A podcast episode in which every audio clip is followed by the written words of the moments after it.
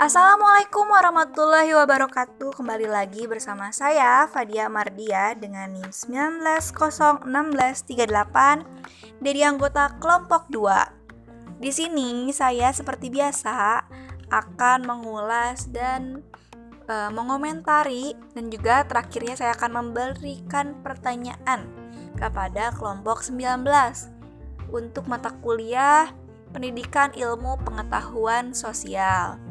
Kelompok 19 ini beranggotakan dua orang yaitu Anggi dan juga Nida Kurota.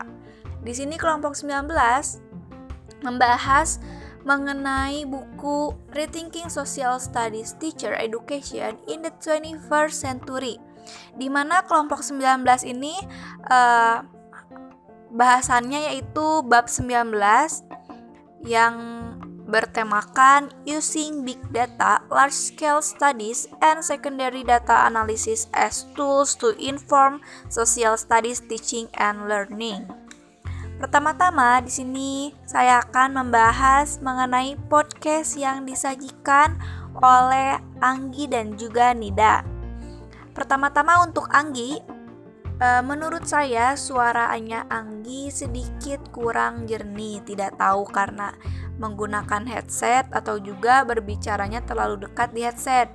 Jadi saat uh, saat podcast yang disajikannya uh, suaranya sedikit kresek-kresek gitu deh.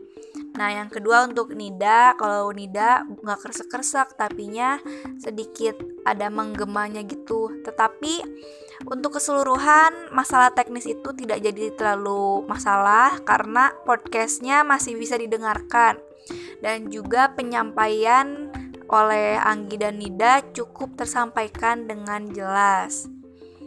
Untuk salindia dan materinya, salindianya saya sangat suka karena itu warna favorit saya yaitu pink dan juga salindianya simple tetapi tidak membosankan yaitu menarik.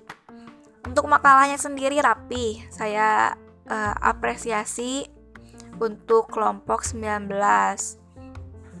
Uh, terakhir tentang materinya yang saya dapat yang saya tangkap dari materi kelompok 19 yaitu big data di dalam studi sosial untuk menganalisis data dan dan buat dijadikan sampel pula. Nah, tetapi setel, menurut saya big data ini ada negatifnya. Negatifnya kita terkadang hanya terpaku kepada data yang ada. Jadi kita tidak menganalisis langsung keadaan yang terjadi. Terkadang data juga bisa salah e, karena kan setiap tahunnya berganti-ganti ya. Nah, tetapi e, meskipun big data itu jadi mempermudah peneliti dan juga guru.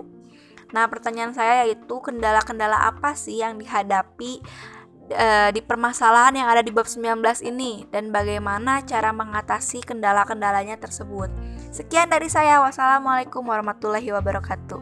Maaf bila ada salah-salah kata. Terima kasih.